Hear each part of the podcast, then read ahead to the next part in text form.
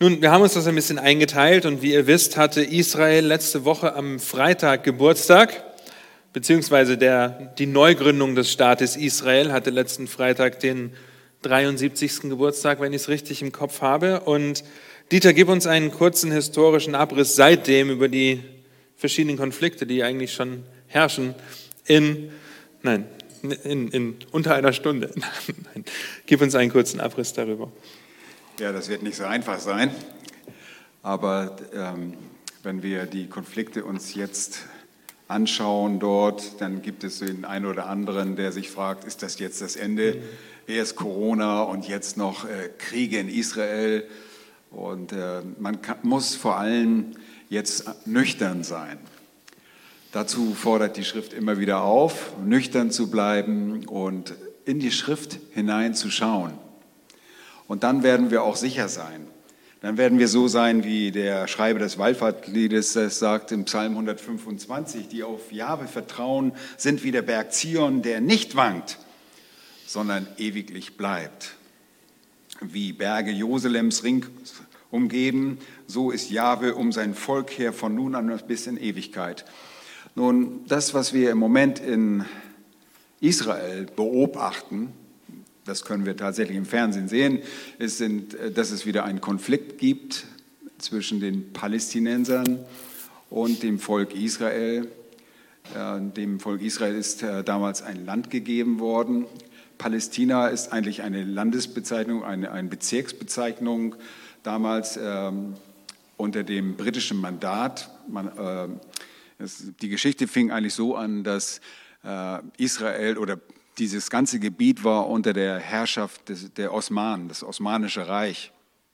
Und äh, während des Ersten Weltkrieges waren Deutschland und Türkei waren Verbündete und die Alliierten, praktisch die Vereinigten äh, Länder gegen Deutschland, haben das äh, Osmanische Reich zu Ende gebracht. Und dann bekam England äh, bzw. Großbritannien das Mandat für dieses Gebiet. Das war das Gebiet der Palästinenser. Und da lebten dann jüdische Palästinenser, arabische Palästinenser, muslimische Palästinenser.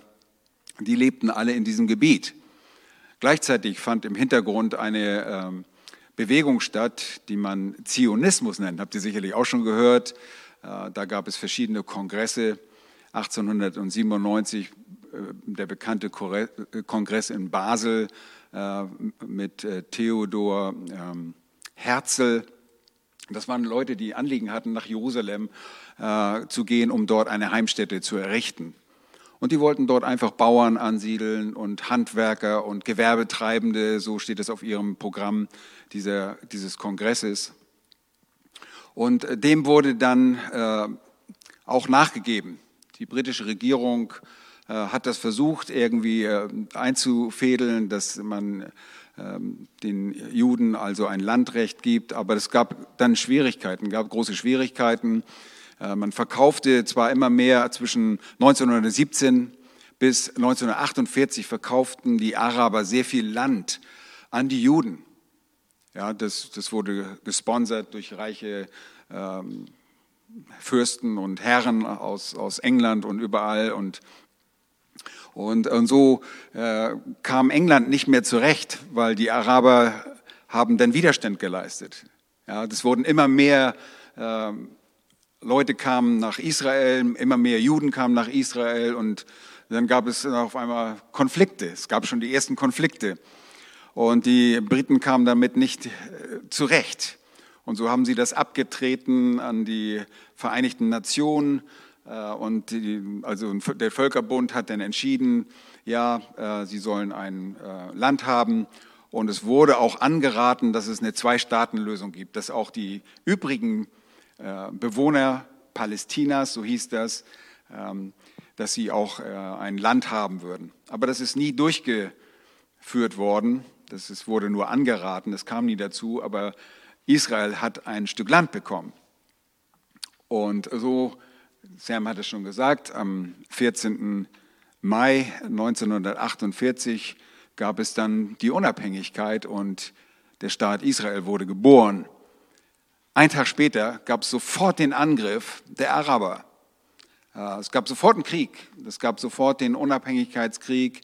Äh, das sollte verhindert werden. Äh, Jordanien, die Ergebnisse waren dabei, dass Jordanien nach, in die Altstadt Jerusalems einmarschierte und sie in Beschlag nahm, sowie auch die sogenannten, das Westjordanland, die sogenannten Westbanks für sich beanspruchte und die sie dann auch 1950 annektierte, das heißt voll in Beschlag nahm. Ja, und das waren die ersten Konflikte, die es gleich gab, gleich ein, sofort Krieg. Nun, äh, die Israelis haben diesen Krieg äh, zwar dann noch gewonnen, äh, da gab es auch eine Haganah, also so eine Miliz, so eine ausgebildete Gruppe für die, für die Israeliten, die haben sich da eingesetzt und die haben letztlich doch gewonnen. Aber trotzdem, Alt-Jerusalem war weg und auch die Westbanks waren weg. Die holte sich Israel dann 1967 wieder äh, in einem sogenannten Sechstagekrieg. Das war ein Präventativschlag der Israeliten. Und sie haben in sechs Tagen so viel Land eingenommen. Sie haben Sinai eingenommen, sie haben Gazastreifen eingenommen, sie haben die Westbanks eingenommen, sie haben die syrischen Golanhöhen eingenommen. Und seitdem gilt das alles als besetzt. Ja, und die bösen Israeliten haben das jetzt alles besetzt. Und sie haben, die Israeliten haben gesagt, wir brauchen dieses Land als Sicherheitszone, wir haben sonst keinen Schutz vor unseren Feinden. Und äh, ja, so ging das in einer Tour eigentlich, dass es Kriege gab und Auseinandersetzungen gab. Das nächste war, dass Ägypten sagt, oh, wir werden denen das mal schön heimzahlen. Und das kam dann in den 56, 57er Suez-Krise. Dort wurde der, der ägyptische Präsident Nasser hat gedacht, der Suezkanal, der läuft hier bei uns durch, den werden wir mal schön sperren. Und dann haben sie den Suezkanal gesperrt und auch noch den Zugang zu, zum Golf von Akaba, der auf der anderen Seite ja liegt, von der Sinai-Halbinsel. Und äh, so gab es wieder Auseinandersetzungen. Dann kam, äh, das war ja davor, das war eigentlich vor dem Sechstagekrieg in 56, 57. Ähm, und in 67 holen sie sich das zurück. Dann gibt es einen Krieg in 73, das war ein Überraschungskrieg, das war der sogenannte Yom, Yom Kippur-Krieg. Äh, die Israeliten feierten den höchsten Tag, den Yom Kippur, den Versöhnungstag. Ähm, äh, und die Ägypter und Syrer starteten einfach einen Überraschungskrieg. Und die ersten zwei Tage sah es auch nach Niederlage aus oder mussten sie einiges an Land abgeben. Aber weniger, innerhalb weniger Tage äh, bekamen sie die Oberhand. Das ging drei Wochen und Israel ging wieder als Sieger hervor. Ja, das waren sowieso schwierige Zeiten, die 70er Jahre. Ich erinnere mich noch sehr daran. Ähm, ich war ein kleiner Bengel. Äh, ich denke an den schwarzen September 1972, als äh, die Olympiade stattfand und äh, damals die Gewichtheber waren es, glaube ich, die erschossen wurden. Zwei erschossen, die anderen wurden entführt. Und die Deutschen in München haben versucht, ihn zu befreien. Und es gab sehr viele Tote. Äh, ja, sehr viele Anschläge in dieser Zeit, äh, auch Flugzeugentführungen in einer Tour. Ich denke an das, auch das habe ich miterlebt, 1976, äh, die Flugzeugentführung nach Entebbe, nach Uganda, wo dann die, der israelische geheime Spezialtruppe nach Uganda eingeschleust wurde. Idi Amin war damals der Herrscher in, in Uganda, der war so sauer. Der hat dann hinterher die Kenianer bestraft, weil äh, sie den Israelis äh, Hilfe ge geleistet haben. Der hat einige Kenianer, Kenianer dafür umgebracht. Aber dieses Flugzeug war mit Israelis besetzt. Es war auf dem Weg von Athen nach Frankreich, glaube ich, nach Paris und wurde entführt. Ja, das, das ging in einer Tour so und äh, ständig irgendwelche Schwierigkeiten. Dann kam 1982 der Libanonkrieg. Auch das, äh, war, das war ein ziemlich aufwendiger Krieg, ähm, wo auch Syrien mit hineingezogen wurden. 1991 ähm, dann der Golfkrieg, der eigentlich nicht direkt mit Israel zu tun hatte und die wollten eigentlich auch draußen bleiben, bis dann auf einmal die Bomben aus, äh, aus dem Irak auf äh, Israel geschossen, besonders auf Tel Aviv abgerichtet wurden und ja und immer wieder Bedrohung, Bedrohung, eine Bedrohung nach der anderen. Dazu kommen auch noch die äh, sogenannte Intifada. Das ist eine Erhebung der Palästinenser auch, das nennen sie so, äh, Palästinenser, die am Gazastreifen äh, leben jetzt, da wo früher die Philister waren, äh, sind die äh, beherrscht von der PLO, der palästinischen äh, Liberation, also der Freiheitsbewegung, Liberation Organization. Da war früher auch sehr bekannt der, wie hieß er noch, der mit dem Arafat, ja, Arafat, genau.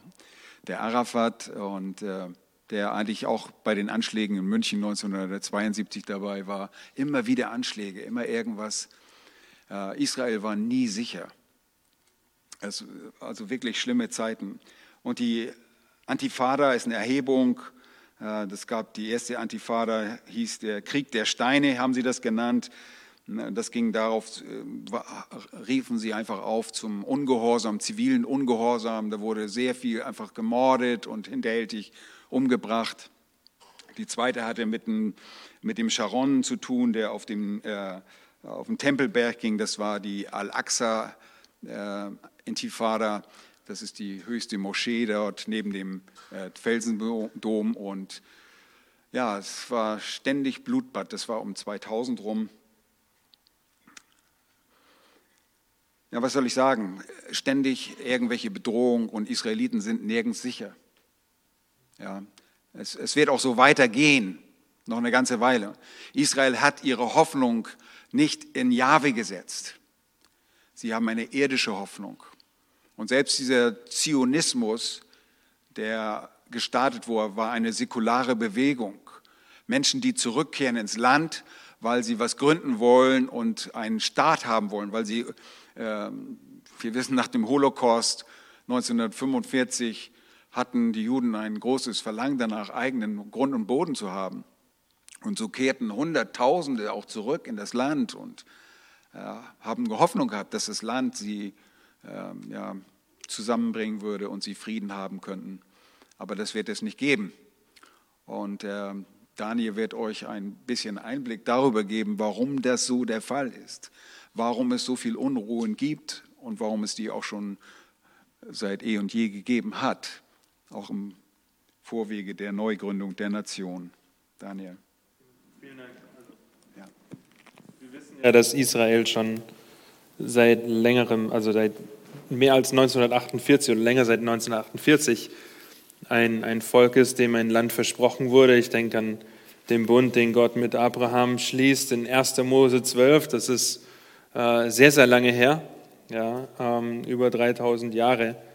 Und wo er einfach sagt, erschien ihm der Herr, dem Abraham, und sprach, deinem Samen will ich dieses Land geben, nachdem er in Kanaan ist. Und Daniel, warum herrschen Kriege bis heute und wieso, ähm, wieso wird das auch so weitergehen? Ja, danke Sam für die gute Frage. Danke Dieter für den geschichtlichen Abriss. Und ja, wir sehen hier die Verheißung an Abraham und seinen physischen, also körperlichen Nachkommen, den Juden, ist das Land verheißen. Wir haben gerade gehört, 1948, seitdem sind auch Juden wieder vermehrt im Land und haben ihren eigenen Staat. Warum macht das Gott dann so, dass sie so viele Kriege erleben? Warum schafft er nicht dort Frieden? Oder warum ist diese Situation so? Und was hat das eigentlich mit uns zu tun? Das müssen wir uns ja auch fragen. Warum machen wir das hier? Nun, wenn wir über Israel und über Gott vor allem nachdenken, dann hat das auch mit unserer Beziehung zu ihm zu tun. Weil wenn wir Fragen haben, gibt es natürlich die Gefahr, dass wir, wenn wir etwas nicht verstehen, dass wir an Gott zweifeln oder dass wir sogar sein Handeln ablehnen.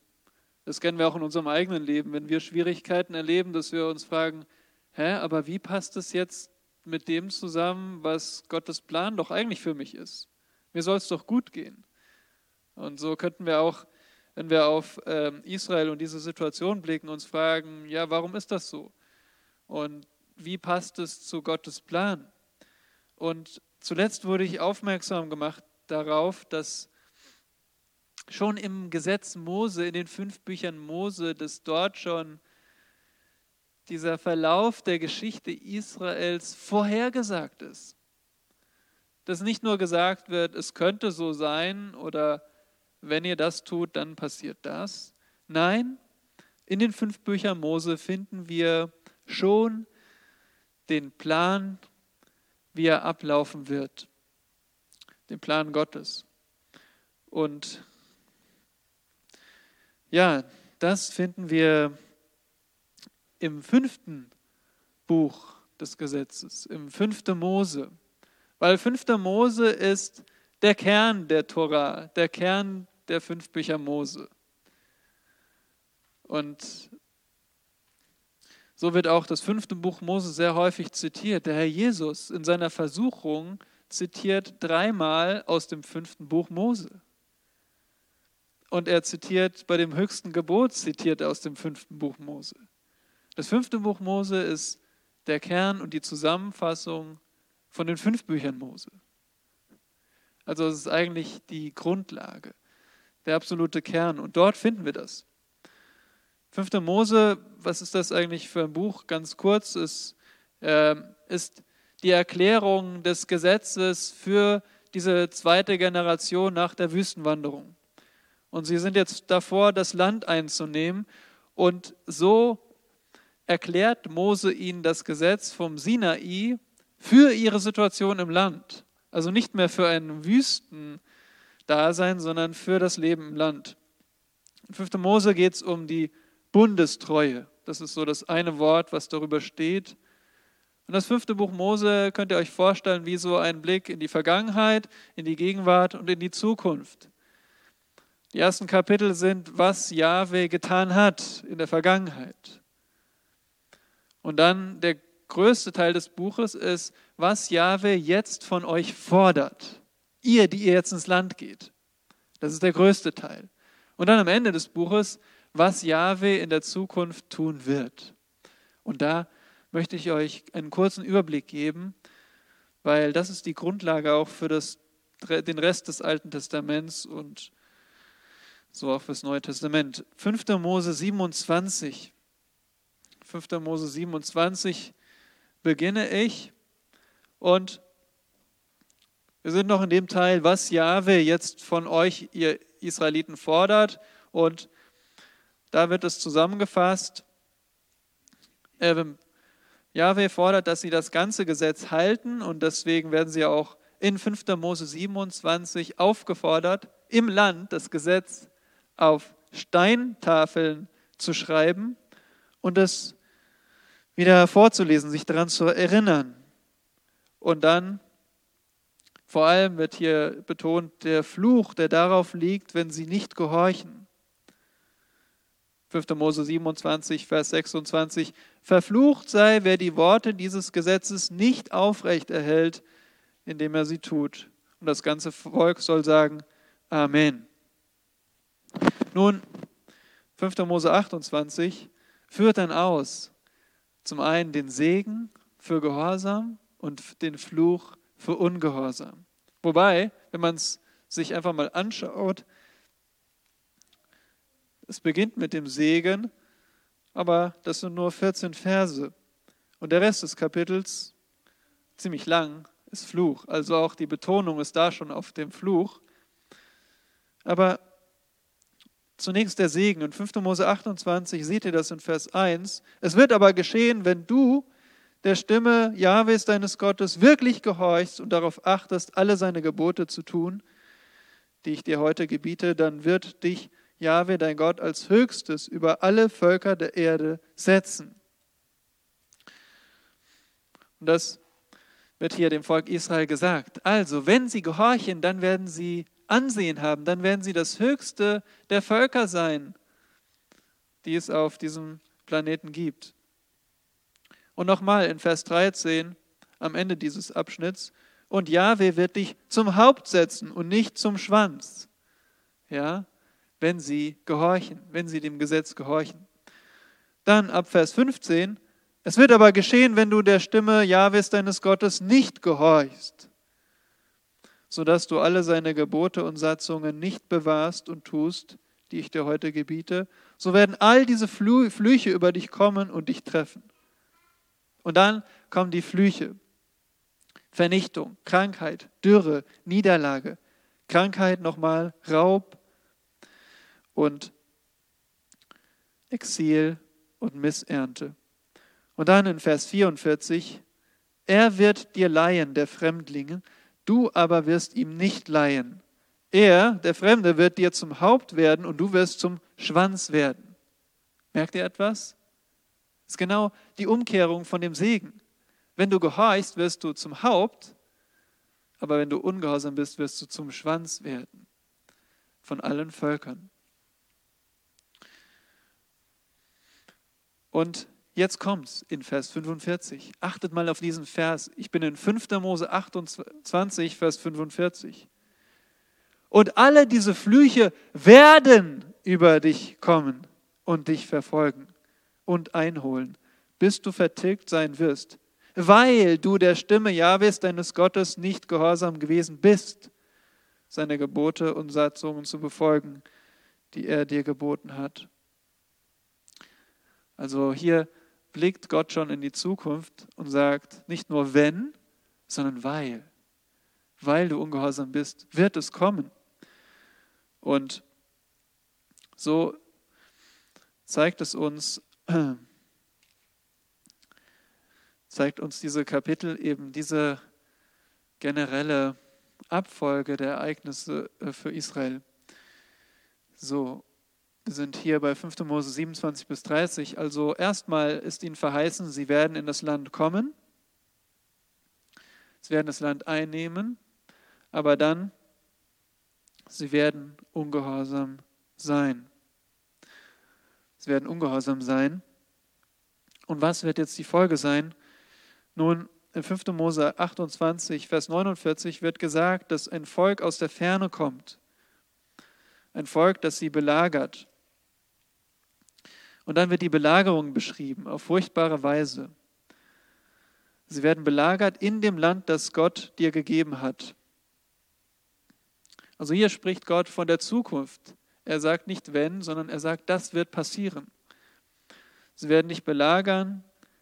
Es werden furchtbare Dinge passieren, die wir später in der Geschichte Israels lesen im Alten Testament. Und dann, Vers 58, wenn du nicht darauf achten wirst, alle Worte dieses Gesetzes zu tun, die in diesem Buch geschrieben sind, sodass du diesen herrlichen und furchtgebietenden Namen Jahwes deines Gottes fürchtest, so wird Jahwe dich und deinen Samen mit außerordentlichen Plagen treffen. Genau, ich überspringe mal. Und dann ähm, heißt es, Vers 64, denn Jahwe wird dich unter alle Völker zerstreuen. Ja, Jahwe wird sie, in Vers 63 heißt es auch, er wird sie vertilgen. Ihr werdet herausgerissen werden aus dem Land. Und dann, wie gesagt, in Vers 64, Jahwe wird dich unter alle Völker zerstreuen. Und das endet sogar in Vers 68 damit, und Jahwe wird dich auf Schiffe nach Ägypten zurückführen. Also da, wo sie angefangen haben. Und damit endet diese, dieser Fluch. Also Israel ist verheißen, sie werden das Land einnehmen, aber sie werden ungehorsam sein aus ihrem eigenen Willen heraus und sie werden darum ins Exil gehen. Ins Exil, also in die Fremde, in die Gefangenschaft. Und zwar nicht nur an einen Ort, sondern zerstreut über die ganze Erde. In Kapitel 29 beginnt eine neue Rede von Mose und dort schließt jetzt das Volk diesen Bund mit Jahwe. Also sie erneuern sozusagen den Bund mit Jahwe als neue Generation. Und worum geht es bei dem Bund? In Vers 8 So bewahrt nun die Worte dieses Bundes und tut sie, damit ihr gelingen habt in allem, was ihr tut. Das ist der Kern dieses Bundes. Und dann, ab Vers 15, geht es wieder um die Warnung vor dem Ungehorsam. Ja, denn wenn sie ungehorsam sind, dann wird auf ihnen der Fluch ruhen. Und alle Flüche, wie sie im Gesetz geschrieben sind, werden über sie kommen. Und dann werden sie, ähm, wenn sie die Flüche alle erleben werden, dann werden sogar die Völker fragen, warum hat Jahwe so an diesem Land gehandelt? Und man wird antworten, weil sie den Bund Jahwes, des Gottes ihrer Väter, verlassen haben. Darum werden sie aus dem Land herausgerissen. Ja? Aber jetzt kommt es in Kapitel 30. Es wird aber geschehen, wenn alle diese Worte über dich kommen werden, der Segen und der Fluch, die ich dir vorgelegt habe, und du es dir zu Herzen nimmst, unter allen den Heidenvölkern, unter die dich Jahwe, dein Gott, verstoßen hat. Achtet mal darauf. Er sagt nicht, das ist nicht fiktiv. Er sagt, wenn das eingetreten ist. Ja? Also wenn ihr zerstreut seid unter allen Völkern, und dann heißt es in Vers 2, und wenn du umkehrst zu Jahwe, deinem Gott, und seiner Stimme gehorchst, in allem, was ich dir heute gebiete, du und deine Kinder, von ganzem Herzen, von ganzer Seele, so wird Jahwe, dein Gott, dein Geschick wenden und sich über dich erbarmen und wird dich wieder sammeln aus allen Völkern, wohin dich Jahwe, dein Gott, zerstreut hat. Was mir ganz wichtig ist, dass ihr hier mitnehmt, hier steht, wenn du umkehrst wenn du umkehrst, dann wird Gott sich erbarmen und wird dich sammeln. Okay? Also zuerst die Umkehr und dann die Sammlung. Und das wird dann noch ausgeführt. Dann finden wir die neue Geburt in Vers 6, dass Jahwe ihnen ein neues Herz gibt, das auch Jahwe liebt. Und Vers 8, du aber wirst umkehren und der Stimme Jahwes gehorchen und alle seine Gebote befolgen. Ist das nicht wunderbar? Hier ist schon verheißen. Sie werden von ganzem Herzen umkehren. Und so endet dieser Plan Gottes damit, dass sie nach dem Exil geistlich erneuert werden und gesammelt werden. Das ist Gottes Plan für Israel. Und das Interessante ist, die Propheten, die danach folgen, die beziehen sich immer wieder auf diese Stelle, auf dieses Gesetz und erklären es nun. Ein Prophet, den ich herausgreifen möchte, ist der Prophet Daniel in Kapitel 9. Denn Daniel war ein Prophet, der als junger Mann ins Exil geführt wurde. Daniel wurde ins Exil geführt als Teenager. Er hat das miterlebt. Und das Exil begann eben 605 vor Christus mit der ersten Wegführung. Und in Daniel 9 sind wir im ersten Jahr des Darius, des, äh, des Sohnes Ahasveros von medischer Abstammung. Nun, sowohl Darius als auch Ahasveros ist ein Herrschertitel, also verwechselt das nicht mit dem späteren Ahasveros. Wir sind aber hier bei den Persern. Das Weltreich hat gewechselt. Und Daniel befindet sich also hier im Jahr 539 von 605 bis 539, ungefähr 66 Jahre. Daniel weiß, in Jeremia 29 wird verheißen, dass die Gefangenschaft 70 Jahre dauert. Und Daniel kann die, Tage, äh, die Jahre zählen und er fragt sich jetzt, ja, was ist denn nun? Diese 70 Jahre sind bald zu Ende. Und hier heißt es, in Daniel 9, Vers 2, im ersten Jahr seiner Regierung achtete ich Daniel in den Schriften auf die Zahl der Jahre, von der das Wort Jahwes an den Propheten Jeremia ergangen war, dass die Verwüstung Jerusalems in 70 Jahren vollendet sein soll. Und dann betet Daniel und bekennt die Sünden Israels. Und er sagt, Es ist genauso passiert, wie Mose es geschrieben hat. Ja, wir waren im Land, wir waren ungehorsam und wir gingen ins Exil. Aber Daniel, Daniel weiß, dass das Exil eben nicht die letzte Station ist. Und so bittet er Gott in Vers 16, O Herr, lass doch um all deiner Gerechtigkeit willen deinen Zorn und Grimm sich abwenden von deiner Stadt Jerusalem, von deinem heiligen Berg. Er betet, höre Gott, lass dein Angesicht leuchten, neige dein Ohr, tu deine Augen auf, sieh unsere Verwüstung, höre, vergib.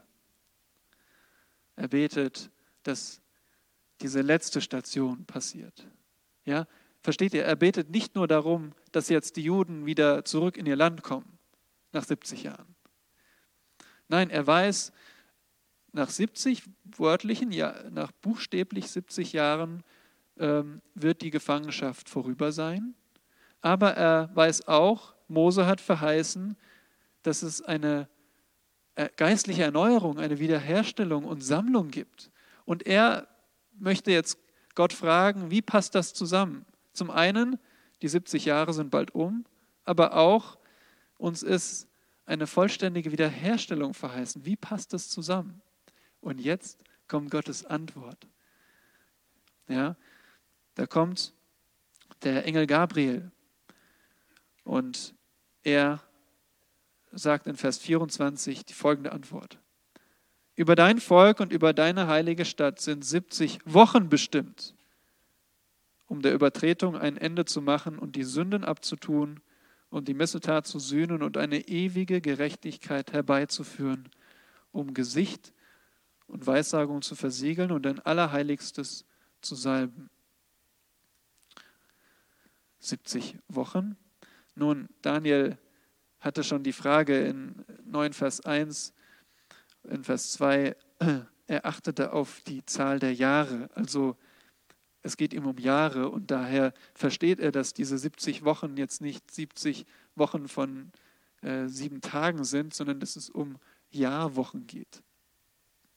Also eine Woche sind sieben Jahre und 70 Jahrwochen sind 490 Jahre. Und so wird ihm gesagt, es sind 70 Wochen und nun werden diese 70 Wochen aufgeteilt. So wisse und verstehe vom Erlass des Befehls zur Wiederherstellung und zum Aufbau Jerusalems bis zum Gesalbten, dem Fürsten, vergehen sieben Wochen und 62 Wochen.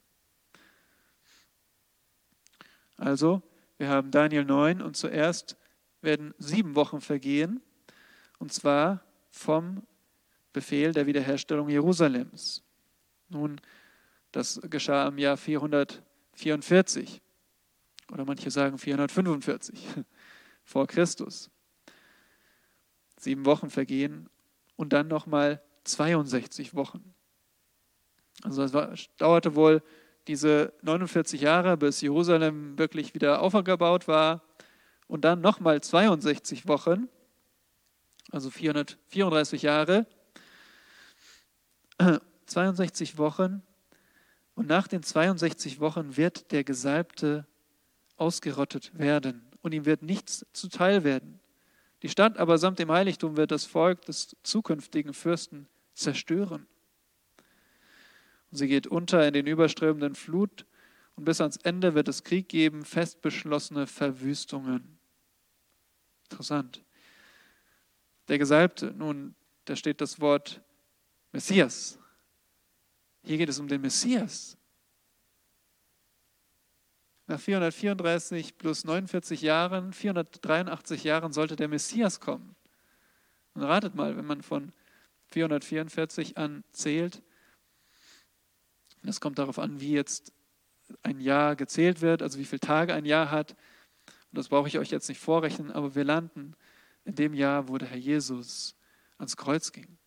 Hier haben wir eine eine genaue Datierung der Vorhersage auf den Messias und wann er stirbt.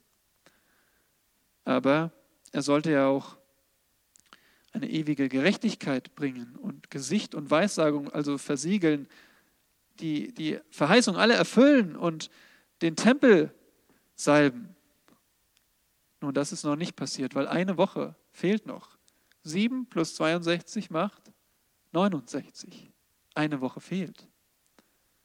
Was ist denn sieben Jahre nach Jesu Tod passiert? Nichts Besonderes, denn es, wir leben immer noch.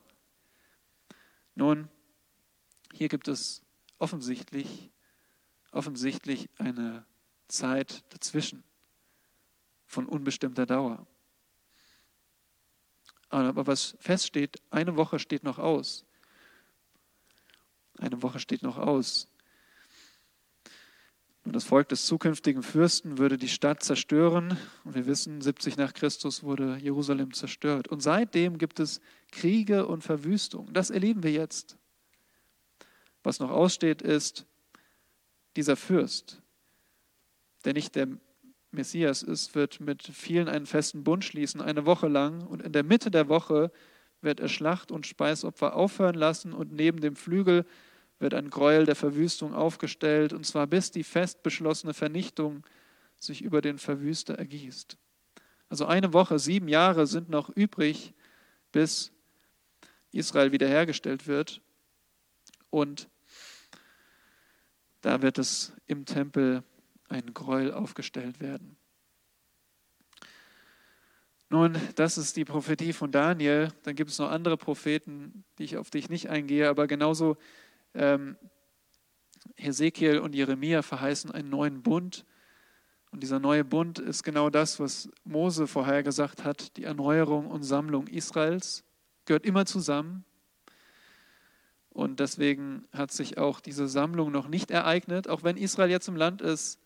Die Verheißung der Sammlung hat sich noch nicht erfüllt, weil sie nicht zu dem Herrn Jesus umgekehrt sind. Und Jetzt fragen wir uns, was, was ist eigentlich in dieser Zwischenzeit zwischen den, der 69. und der 70. Woche? Nun, wir sehen hier, die Schrift ist aufbauende Offenbarung. Es wird immer aufeinander aufgebaut. Und so offenbart der Herr Jesus, als er kommt, spricht auch, Dieter wird dazu kommen, in der Ölbergrede spricht er von dem Gräuel der Verwüstung. Er spricht von dieser 70. Woche. Und Herr Jesus stirbt und sagt äh, vorher noch, ich werde meine Gemeinde bauen. Und so zeigt uns das Neue Testament, die Gemeinde Jesu ist genau in dieser Zwischenzeit, dieser Zwischenzeit zwischen dem Tod Jesu und dieser 70. Woche, dieser sieben Jahre. Und darum versteht er auch, warum uns nicht viel gesagt wird im Neuen Testament, wie wir jetzt, was wir in dieser 70. Woche machen sollen. Weil es ist Gottes Programm mit Israel da ging es nicht um die Gemeinde. Und deswegen finden wir auch nicht die Gemeinde in dieser 70. Woche. Wobei, da finden wir viele Gläubige unter den Juden und unter den Heiden. Aber das wäre jetzt ein anderes Thema. Aber so hilft es uns zu sehen, Gott ist in der Kontrolle. Ja, wir brauchen nicht zu zweifeln, dass Israel jetzt zum einen im Land ist, aber so viel Krieg erlebt. Es ist genau das, was das Buch Mose verheißen hat. Israel ist noch im Exil. Auch wenn es den Staat Israel gibt, das Volk Israel ist im Exil. Das Exil endet erst, wenn der Herr Jesus Christus wiederkommt und sie sammelt. Passiert übrigens in Matthäus 24, Vers 31.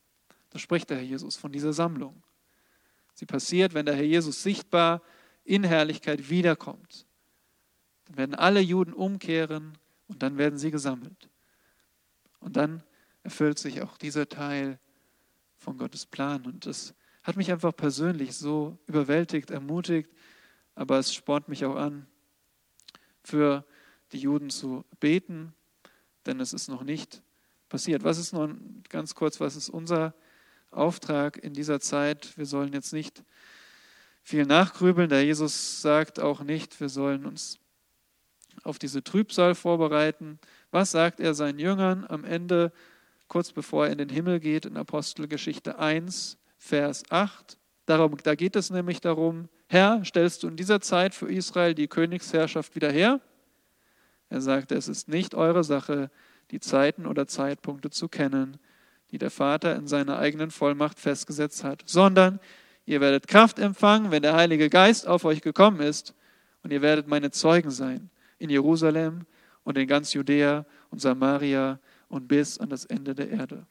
Bist du ein Zeuge Jesu? Ist das dein tagtäglicher Auftrag, den du wahrnimmst? Ich will den Herrn bezeugen, wo immer ich bin. Und ich will sehen, dass das Zeugnis in die ganze Welt geht. Das ist mein Beitrag. So, äh, möchtest du ergänzen oder? Nein, ist alles gut. Super.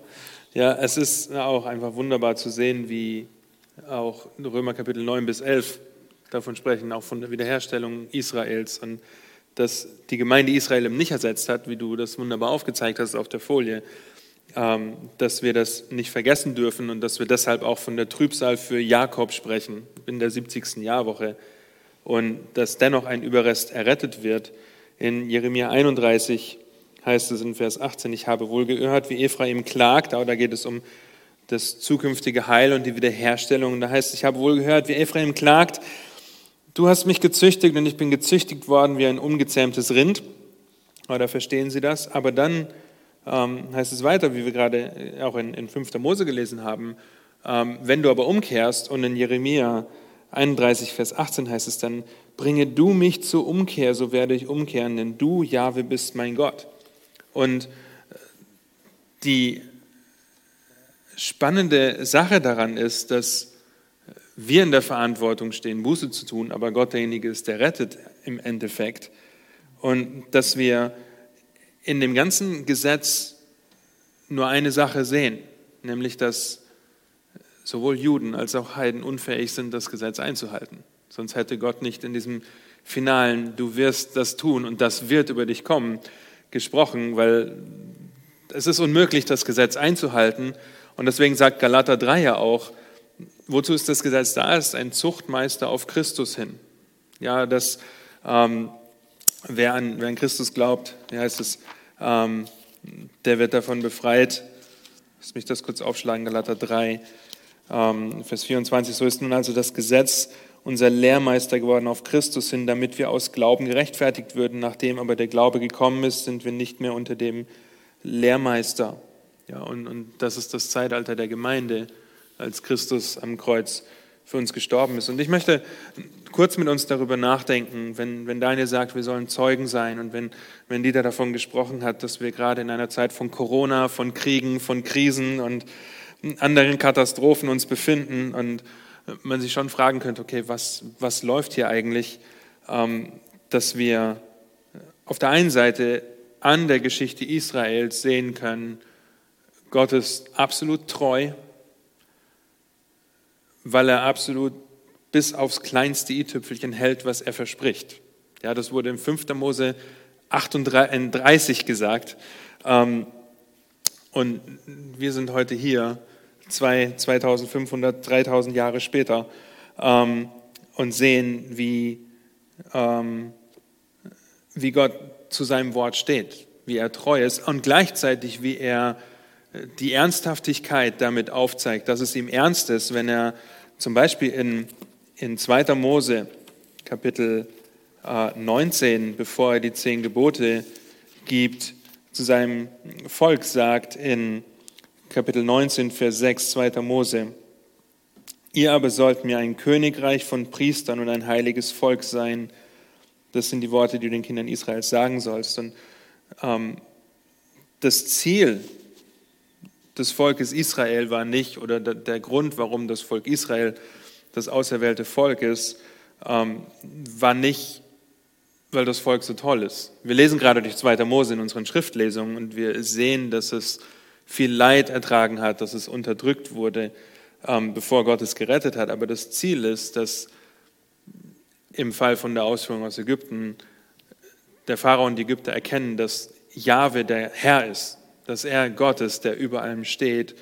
Und so sehen wir, dass das Volk Israel dazu da ist, um, um ihren Gott groß zu machen, zu verherrlichen, ihnen aufzuzeigen, sie sollen ein, ein Königreich von Priestern sein. Was macht ein Priester?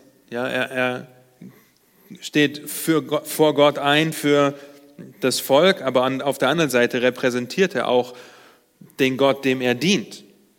Ja, und dieser Dienst, den hier im Volk Israel sehen und wie sie ihn äh, verachtet haben und beiseite geschoben haben. Wir müssen nur Malachi lesen, wo sie einfach alles ähm, umgekehrt haben und keine, nicht mehr das Beste gegeben haben. Äh, und das Gericht, das daraus folgt, das wir bis heute erleben, aber auch die zukünftige Wiederherstellung, dass es sein Volk sein wird, das sein Gott wieder preisen wird für das, was Gott getan hat, nicht weil Israel so groß ist. Und das sehen wir von Anfang an, dass wir geschaffen sind, um, um Gott zu dienen, um Gott die Ehre zu geben und dass Gott sich ein Volk auserwählt hat, das das tun soll, das ihm dienen soll, das ihn groß machen soll, aber das tut es nicht, wie wir in 5. Mose 28 bis 30 gelesen haben.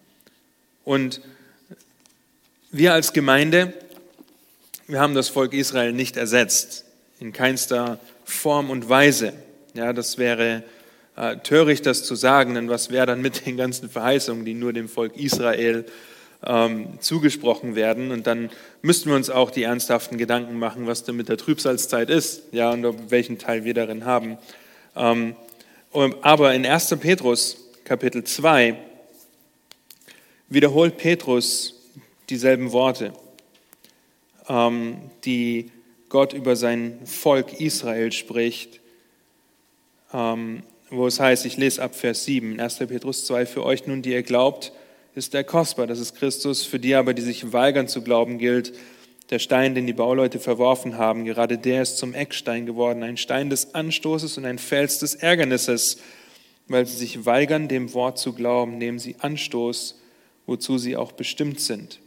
Nun, wir sehen das, wir haben das im Römerbrief gesehen, dass äh, die Juden einen falschen Eifer haben aber dann heißt es in Vers 9, in 1. Petrus 2, ihr aber seid ein auserwähltes Geschlecht, ein königliches Priestertum, ein heiliges Volk, ein Volk des Eigentums, damit ihr die Tugenden dessen verkündet, der euch aus der Finsternis berufen hat zu seinem wunderbaren Licht. Euch, die ihr einst nicht ein Volk wart, jetzt aber Gottes Volk seid und einst nicht begnadigt wart, jetzt aber begnadigt seid.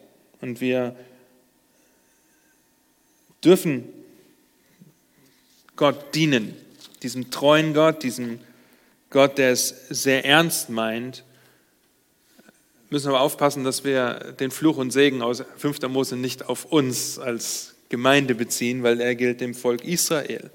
Aber wenn wir ein paar Seiten weiterblättern im ersten Petrusbrief, dann sehen wir dennoch, dass er dort sagt in Kapitel 5, Ab Vers 5, ihr Jüngeren, ordnet euch den Älteren und Ältesten unter.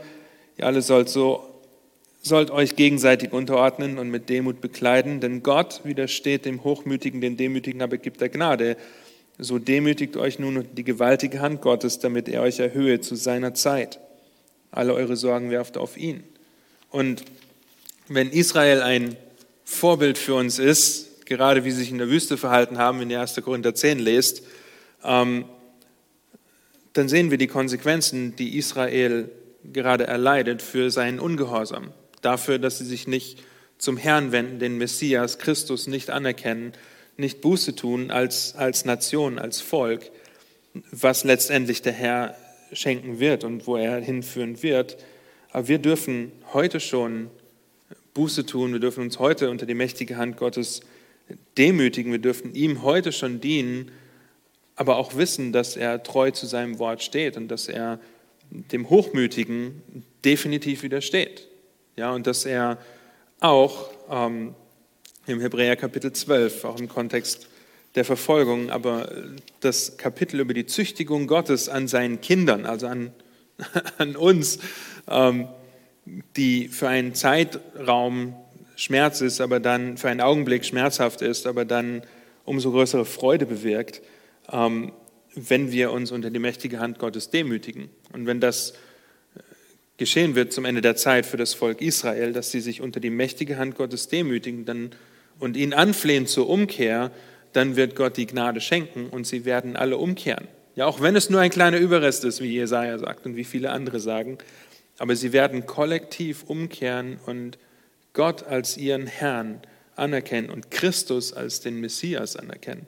Aber wir dürfen heute schon ähm, Christus als den Messias anerkennen, sollen seine Zeugen sein, seine Botschafter. Wir sollen Jünger machen. Ähm, und wir möchten einfach uns auf die Ernsthaftigkeit, die Gott betont, konzentrieren. Ja, ihr sollt heilig sein, denn ich bin heilig. Das sagt er zu seinem Volk. Und das wiederholt er im 1. Petrus 2 an, an die Gemeinde, dass wir ähm, uns da absondern als ein heiliges Priestertum für unseren Herrn, weil er treu ist und zu seinen Verheißungen steht. Und das sollte uns eigentlich ermutigen, wenn wir in die Geschichte schauen, auch in die gegenwärtige Geschichte, dass wir das in 5. Mose 30 schon finden und uns eigentlich nicht darüber wundern müssen, ähm, dass es um Israel heute so steht und dass wir in Daniel 9 lesen können, dass die Kriege andauern bis zum Ende der Zeit. Und das Ende der Zeit ist nach der 70. Jahrwoche. Das heißt, auch wenn gerade eine ähm, Ceasefire, wie sagt man auf Deutsch?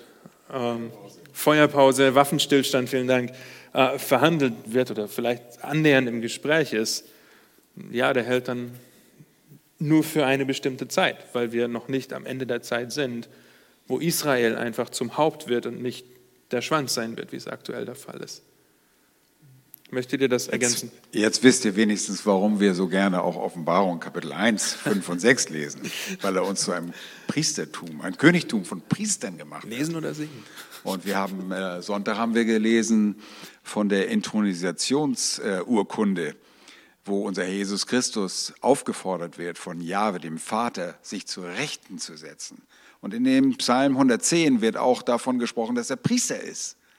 Und der wird am Ende der Trübsal kommen als König und wird sein Königreich auf der Erde aufbauen. Und zwar erst dann, wenn die Hoffnung von Israel völlig verschwunden ist. Jetzt haben sie eine irdische Hoffnung. Sie haben immer noch eine Hoffnung, wir machen Frieden, wir schaffen das schon irgendwie, wir haben jetzt Land und wir werden jetzt einen Friedensvertrag haben. Aber wenn sie sagen, und das ist aus Ezekiel, ne, 36 ist es, wo sie, erst wenn sie sagen, oder 37, wenn sie sagen, ja, unsere Hoffnung ist aus, ist alles vorbei, dann kommt der Herr und wird ihnen die Augen öffnen und dann werden sie ihn sehen, den sie durchstochen haben. Und dann kommt der König und Priester, der für uns jetzt eintritt im Gebet und wird sein Reich aufbauen auf der Erde. Und dann kommt das Ende. Dann gibt es keinen Krieg mehr. Dann ist das Friedensreich da. Und darauf freuen wir uns alle. Ja.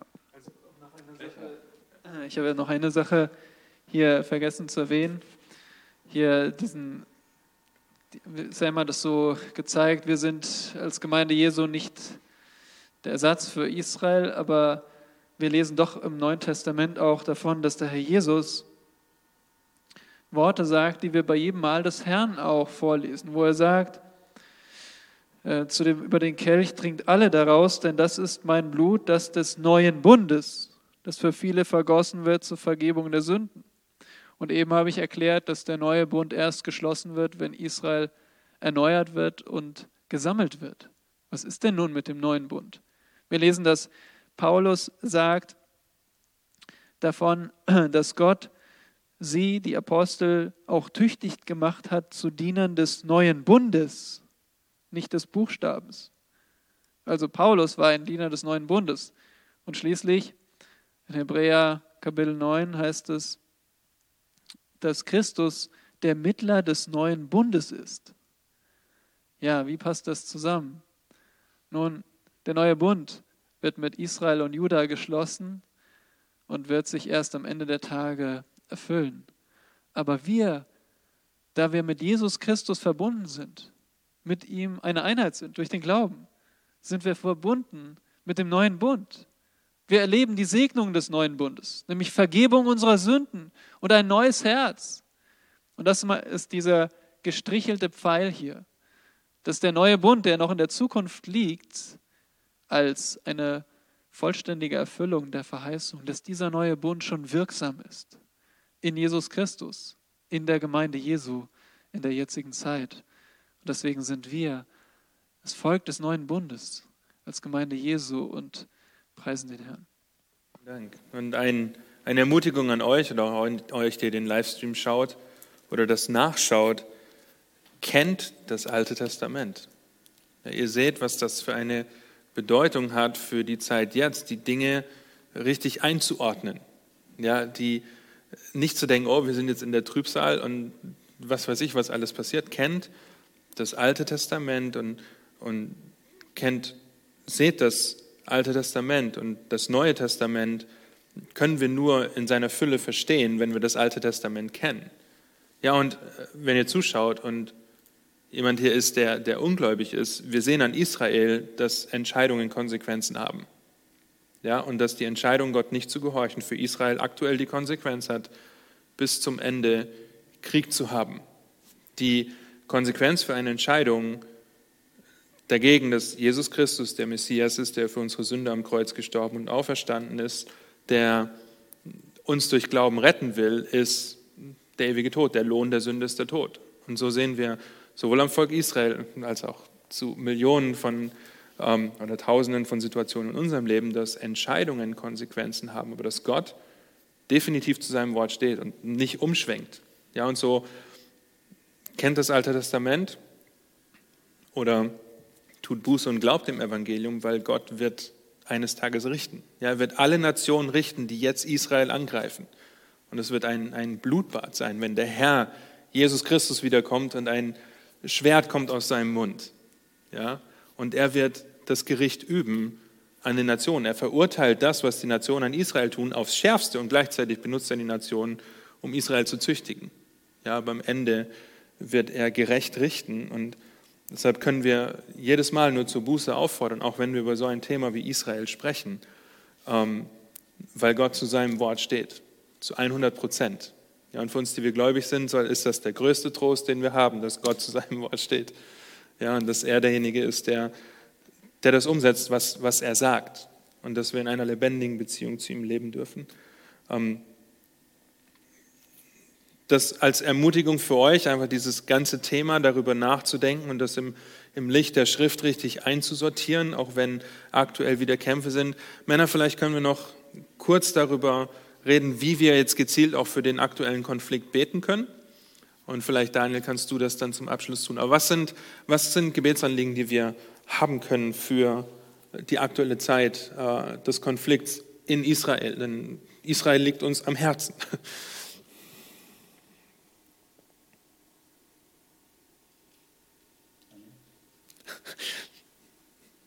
Ich hätte so verstanden, ich soll am Ende. Das am Ende, ja, aber was, was, was sind Anliegen, die wir jetzt, ähm, die wir uns vielleicht aufschreiben können, wo wir hm. ähm, auch während der Woche dann beten können? Nun ja, also wir wissen, dass der Glaube aus dem Wort kommt, aus der Schrift und äh, so können wir dafür beten, dass Gott sein Wort gebraucht und dass er Augen öffnet. Ähm, er muss die Augen öffnen, damit die Menschen sein Wort verstehen und annehmen. Und das Wort ist nahe, sagt er zu den Israeliten, weil sie haben es, sie, sie schätzen es wert, aber sie brauchen Gottes Geist, ihnen die Augen zu öffnen. Und für muslimische Araber können wir beten, dass, dass sie das Wort lesen. Denn auch der Koran sagt ihnen, lest das Evangelium, lest das Gesetz Mose dass sie das Wort Gottes lesen und dass sie, dass sie wissen wollen, was sagt der Gott Israels und dass Gott auch ihnen die Augen öffnet.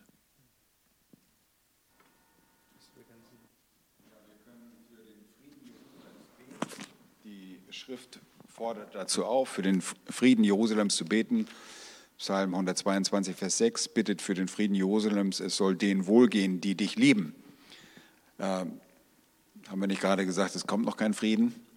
Ja, wir sollen den Frieden herbeibeten. Und der Friede ist der Friedefürst, der kommen wird. Wir sollen dafür beten, dass der Herr kommt. Ja, und dann denken wir, hey, ist das egoistisch? Nee, das ist nicht egoistisch. Wir wollen, äh, dass seine Gerechtigkeit zum Vorschein kommt. Und er wird kommen in Macht und Herrlichkeit. Und dafür können wir beten. Betet einfach auch dafür, dass Gott das Böse äh, dass er weiterhin Gnade schenkt.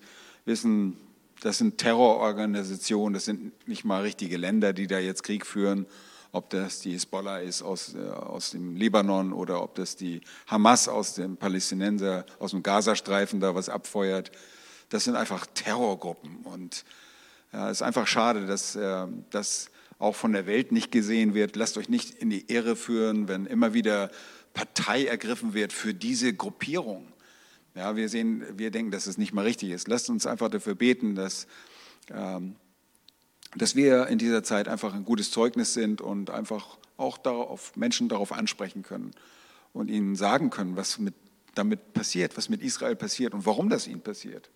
Ja, das ist auch eine wunderbare Gelegenheit. Ja, beten wir auch für die Gläubigen, die es gibt. Wir haben jetzt viel vom Unglauben Israels gesprochen, aber es gibt auch in Israel Erweckung und, und Menschen kommen zum Glauben. Und es gibt äh, Gemeinden dort, die äh, den Herrn Jesus als ihren Messias verehren. Und ja, auch Palästinenser, genau. Und wir kennen da, wissen da viel zu wenig zu unserer Schande, aber ja, beten wir für die Gläubigen, dass sie ein Licht sind für ihre ungläubigen Nachbarn. Daniel, dann bete noch mit uns. Ja, wie Gott im Himmel, du Schöpfer Himmels und der Erde, du einzig lebendiger Gott, der du schon von Beginn an verkündest, was geschieht. Du bist der Herr der Geschichte. Du bist heilig und du richtest die Sünde und strafst den Ungehorsam. Und so sind wir, beten wir alle zu dir als, als schuldige Menschen. Aber wir beten zu dir als dem Gott aller Gnade.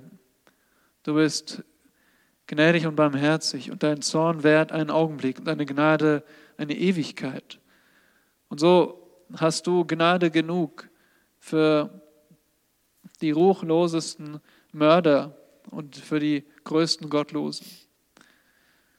Du kennst die verblendeten Juden im Land Israel.